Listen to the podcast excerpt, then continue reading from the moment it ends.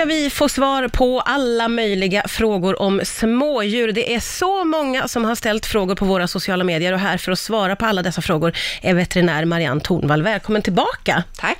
Eh, vi ska ge oss i kast med detta direkt. Jag kan ju säga att jag märker att det är ganska många kaninfrågor. Blir du förvånad över det? Inte alls. Kaniner är den näst, det populäraste djuret efter hund och katt. Ja. Och det växer i popularitet. Fortsätter kurvan så kommer de att gå om eh, katter i alla fall. Är det så pass? Ja. Vad spännande. Ja, men då, då Om det förstår jag. fortsätter, sen vet man ju inte, det, kurvan kan ju plana ut som det heter. Ja, just det. Där, det där känner vi ju till vid det, där, vid det här laget. Eh, Stina Gustafsson undrar, vad är bra kost för en kanin? Kaniner är grovfoderätare. I naturen så går de ut och betar, alltså gräs, blad, bark, ogräs och sådana grejer. De äter inte frukter, de äter inte frön, de äter absolut inte något animaliskt protein. Så att den bästa kosten för kaniner, om jag ska säga det väldigt kort och sammanfattat, det är hö till minst 80 procent. Du kan ge en kanin 100 procent hö, inga problem. Men man vill ju ge dem lite roliga saker också och då är det näve blandat bladgrönt varje dag. Okej. Och bladgrönt, då menar jag kryddor, färska kryddor, sallader, de här färdiga påsarna med en färdig blandning tycker jag är jättebra. Ja. Mörkgröna, lite, bland, lite rucola och lite spenat och lite av varje. Ju Ja. mer man blandar, desto mindre är risken att de får för mycket av någonting eller för lite av någonting. Och det där blir som godis för kaninen. Ja, det blir godiset om de bara får hö annars. Ja. Sen okej, så finns det pellets och det finns mycket annat och morötter och äpplen och allt vad folk ger. Men det är verkligen godis-godis. Alltså det är styckevis eh, någon gång när de har gjort någonting duktigt. Jättebra att ha när man vill aktivera kaninerna, att man vill lära dem saker. Mm. Ja. Kan de, när de har gjort någonting man vill, eller man vill att de ska gå och leta efter någonting, så kan man lägga en liten äpplebit eller en liten pellets någonstans. Och de lär sig snabbt att springa och leta efter där, eller göra tricks eller konster eller vad som helst. Ja, det är ju väldigt roligt i och Ja. för sig att ha med sig. Det är väldigt kul. Men man ska inte ge någonting som man har liksom ätit och tagit från tallriken eller godis Ingen eller... människomat, inga eh, skorpor, inga knäckebröd, inga, ingen frukt, eh, inga kakor, ingenting sånt. Nej. De tycker det är jättegott, men de ska inte ha De ska inte ha. Nej. Eh, eh, Stina undrar även hur gammal blir vanligtvis en kanin? De, de mindre raserna, dvärgkaniner i den storleken och mellanstora kaniner, de kan bli upp mot en 10-12 år. Medel, vad ska jag säga, medellivslängden på vädurar som är det vanligaste är lite lägre. De Ja, är lite okej. sju, sjukligare, Ja. så kanske runt 8. Ja, okej. Men den äldsta kanin jag har träffat var drygt 13 år. Oj, okej, Ja, så en pass. Liten, en liten hermelinkanin. En hermel... Och det låter ju Ja, de underbart. är jättesöta, de lever länge. Saga undrar, hur gammal brukar en vattensköldpadda vara när den börjar lägga ägg? Och vad ska man göra för att hjälpa den när det händer? Det vore kul att veta ungefär hur gammal min sköldpadda är. Ja, tyvärr så går det inte att eh, åldersbestämma utifrån när de börjar lägga ägg. Om de utvecklas snabbt, reptiler växer beroende på hur mycket mat de har att äta och hur varmt det är. Är det för varmt hela tiden, lite för varmt, då växer de fortare Ja. och utvecklas fortare och får de då dessutom väldigt mycket och bra och näringsrik mat. I naturen är det ju ganska kärvt, Ja. men, men då kan de utvecklas väldigt snabbt och börja lägga ägg mycket tidigare i fångenskap än vad de skulle göra i det vilda. Sen är det en del sköldpaddor som då kanske inte har blivit lika skötta och trivts lika bra som kanske börjar lägga ägg när de är 50. Eh, Så att det går Alltså inte att säga. äggen är inte en markör Nej, på... hur gamla de är. Reptiler är otroligt svårt att åldersbestämma just för att de kan växa så olika snabbt. Ja, ja, ja. Beroende på skötsel Okej. och utfodring. Ja, ja. Så det finns inget sätt att klura ut hur gammal Nej, den tyvärr, här vattensköldpaddan är? Nej. Man kan gissa och det är många som vill att jag gissar. Ibland så gissar jag lite och då blir folk glada. Och sen är det ingen som kan bevisa varken det ena eller det andra. Just det, de är så himla gamla också. Det här med hur man kan underlätta vid. Precis.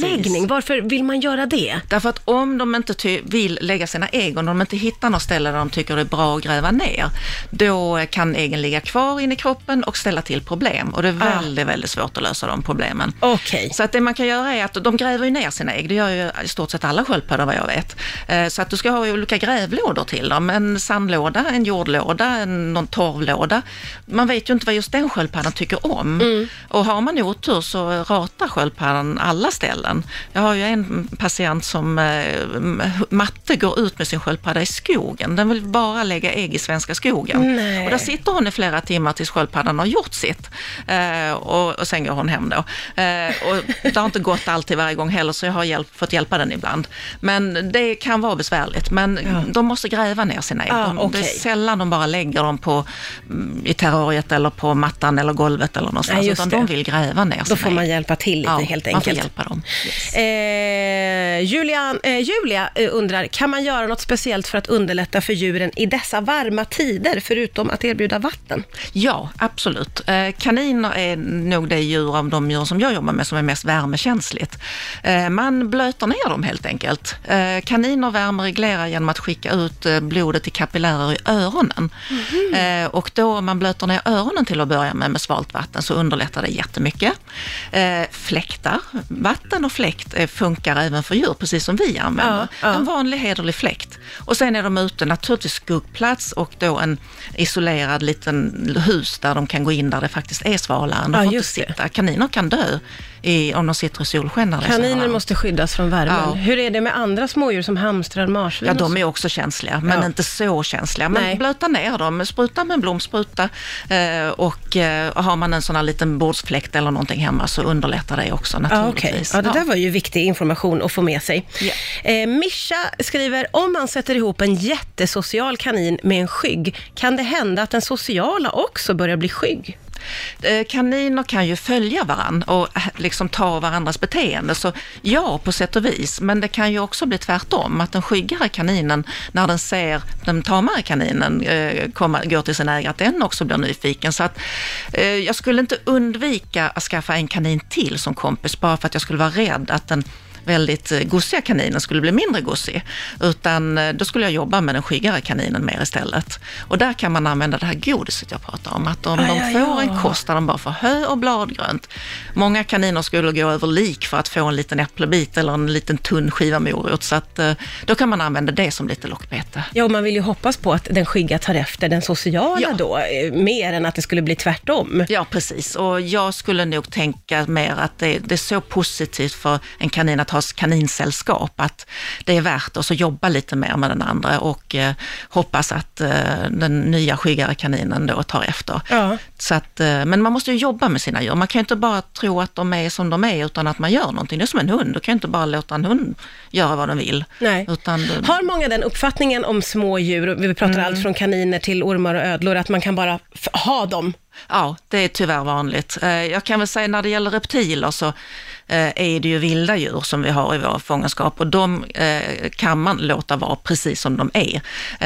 Det är ju sådana djur som folk mer har som, vad ska jag säga?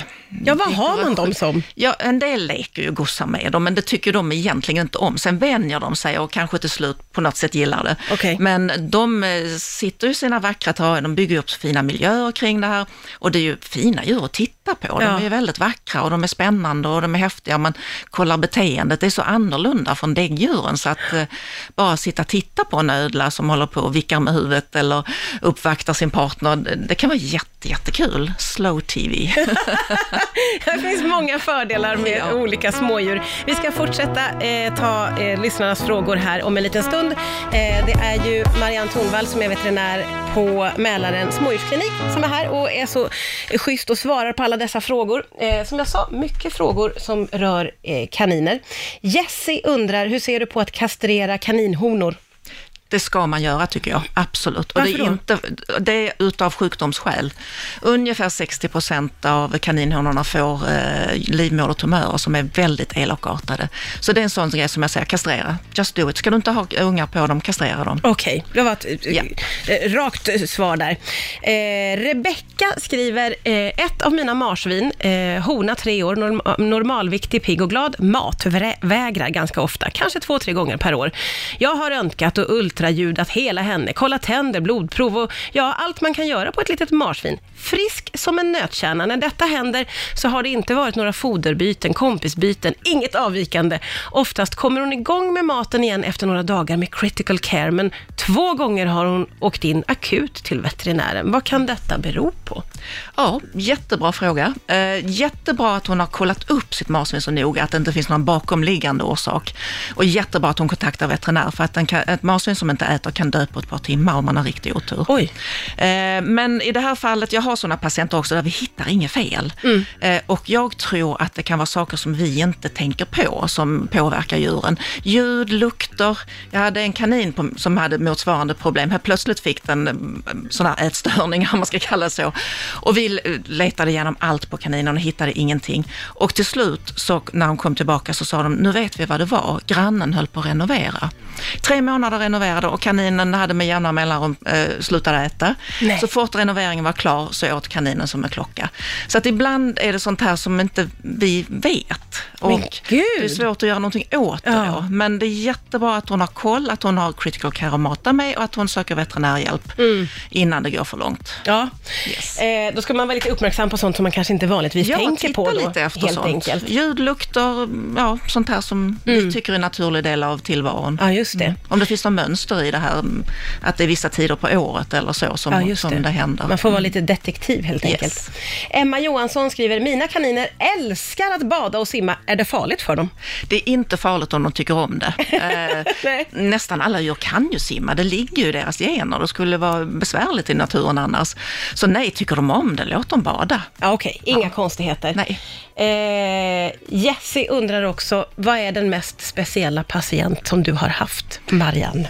Du har väl haft många? Ja, jag har jättemånga som ligger mig väldigt nära om hjärtat. Men det som poppade upp i huvudet på mig var en liten hamster, en guldhamster, men han var mullvadsfärgad, så han var nästan där le- sammetsgråsvart. Ja.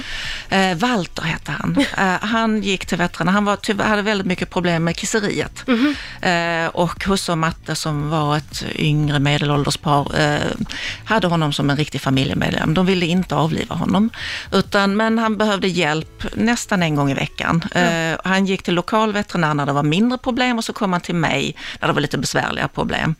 Han var han var jättemysig. Trots att vi var elaka mot honom så ofta, så var han ändå så god och snäll. Gick och la sig handen på en Nej. och kröp upp och, och nosade och slickade lite på fingret. Han var super, super speciell. Jag kommer Gud. aldrig glömma Walter. Nej men vad kärt, åh vad fint, åh vad fint att få avsluta med det. Ja. Tack så jättemycket Marianne Thornvall för att du kom hit idag.